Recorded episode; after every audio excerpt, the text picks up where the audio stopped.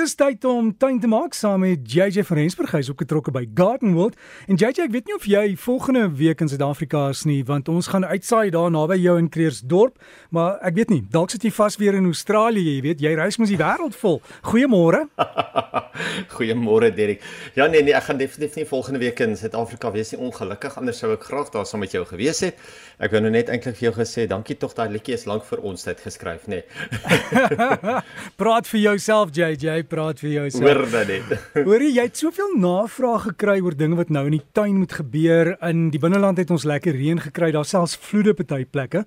Maar wat moet ons yep. in die tuin doen? Kersfees is om die draai en as die familie kom kuier moet alles blom. Weet jy Dirk, ja, vandag praat ons nou nie eintlik regtig oor Kersfees nie. Ek het die versoek gehad om oor twee goedjies hierdie naweek te gesels of vandag te gesels. En die eerste een was natuurlik oor die verskillende tipes grond wat mense kry. Jy weet, sandgrond, leem en kleigrond natuurlik.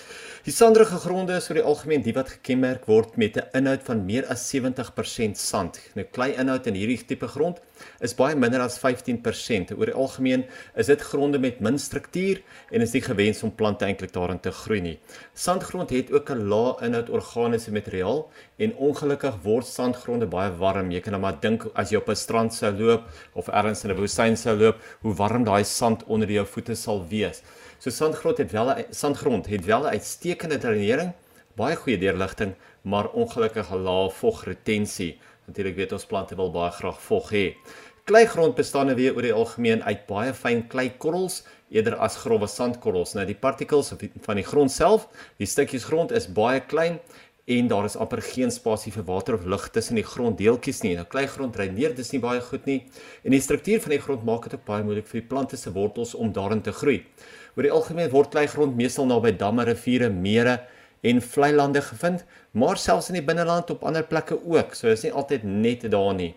Kleigrond bevat natuurlik baie min lug en ons almal weet hoe belangrik lug is vir die wortels van plante vir plante groei. Nou kleigrond hou baie goed water vas, droog moeilik uit, dreineer swak en natuurlik bars dit erg as dit droog word. Kleigrond is nou weer baie vrugbaar, maar met dit dat dit die plante se wortels so moeilik in die kleigrond groei, is dit eintlik van baie min waarde vir ons as tuiniers. Kleigrond um, is ook baie moeilik bewerkbaar. Met die tekstuur van die grond wat baie klewerig is, is dit moeilik om daarmee te werk.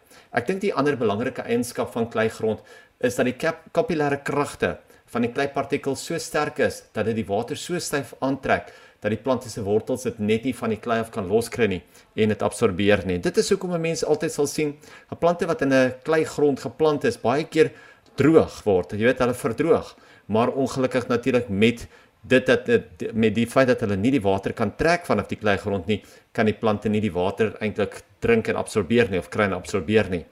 Leemgrond is natuurlik 'n mengsel van ongeveer gelyke hoeveelhede klei, sand en ander grondkorreltjies of ander grondstukkies.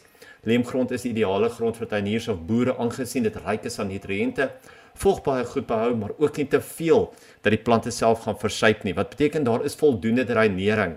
Ek sê altyd 'n mens moet 'n sak potgrond oopmaak en is min of meer hierdie struktuur van die leemgrond wat jy in daai sak potgrond gaan kry. Daar's genoeg lug en leemgrond vir plante groei. Leemgrond hou ook natuurlik water goed vas. Droog nie maklik uit nie, maar dit dreineer nog steeds goed genoeg. Leemgrond is ook ryk aan humus bevat heelwat voedsel vir plante groei en dit is ook die vrugbaarste. Leemgrond word ook darm nie baie warm nie, bewerk lekker maklik en dit is nou eintlik daai rooi grond wat soveel mense altyd begeer. Ek sal so gereeld hoor dat mense sê hulle wens so hulle het net 'n bietjie van daai lekker rooi grond in hulle tuin gehad. As jy nie weet hoeveel klei jy in jou tuin het nie, kan jy eintlik 'n handworsmetode baie maklik gebruik. So wat jy daar doen is jy vat 'n bietjie grond, maak dit klam en dan druk jy dit net eenvoudig vas in jou face.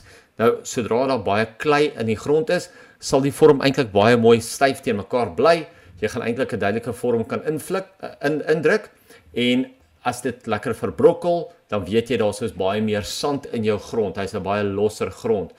Maar direk dit is nou vir eers genoeg oor grond. Die tweede vraag wat ek hierdie week gehad het was wat doen 'n mens met boom, boomwortels wat onder 'n tuinskuur ingegroei het? kan 'n mens dit net afsny of gaan dit skadelik wees vir die boom of dan nou nie? Nou mense sal altyd oppervlakkige wortels onder losstaande geboue, plaveisel en ook ander strukture kry. As jy byvoorbeeld 'n stuk grondseil of so lank op die grond laat lê en ons is 'n boom daar naby gaan jy teen teen vind dat die wortels ook hoër nader aan hierdie stuk seil of stuk plastiek sou groei. Oor die algemeen kan jy eintlik daai oppervlakkige wortels heeltemal net afsny sonder enige probleme.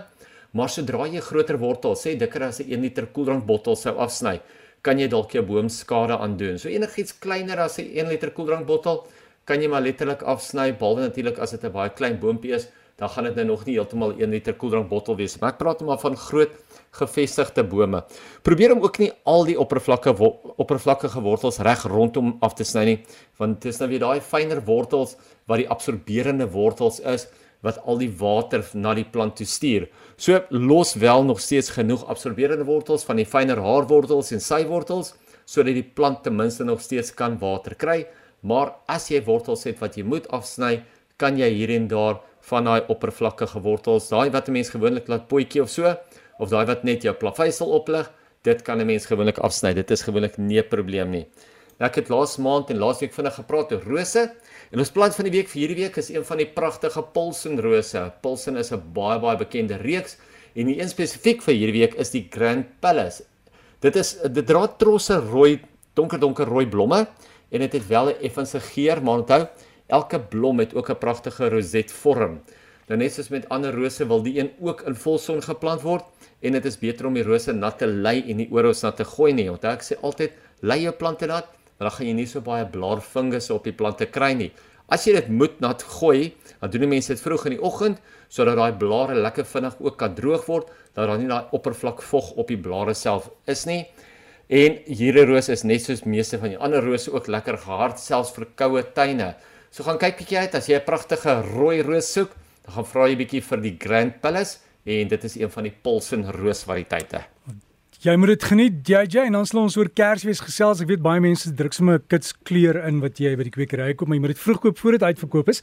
En JJ net gou oor die rose. Ek het gesien in die Kaap blyk die son nie val die rooi rose soos in die binneland nie. Maar baie mense sê ja, maar hoekom is julle rose so rooi? Is dieselfde roos. En een van die groeiers het my gesê, dis die son, die son laat die kleur so 'n bietjie verbleik. Ja, nee, dit kan definitief wees en jy weet as jy as jy hom op die verkeerde tyd van die dag nat gooi en daai waterdruppels lê op die op die blomblare, dan gaan die son hom definitief verbleik. So ja, ons is baie keer as ons ook die probleem, maar ek stem saam met jou, dit is 'n ander anderste tipe hitte daai. Ja, so moenie daai rose, veral die wit rose in die dag nat spuit nie. Die uh druppeltjies maak vir groot glasies en dit brand sulke pink kolle op die wit blomme. Uh die rooi is heel moontlik ook. Maar alles van die beste. JJ geniet dit en as jy vir JJ wil kontak, gaan kyk op ons Breakfast Facebook bladsy. Plant van die week inligting is daar en jy kan sommer daarvan af met hom kontak maak en dan kan jy daai vra aan JJ stuur.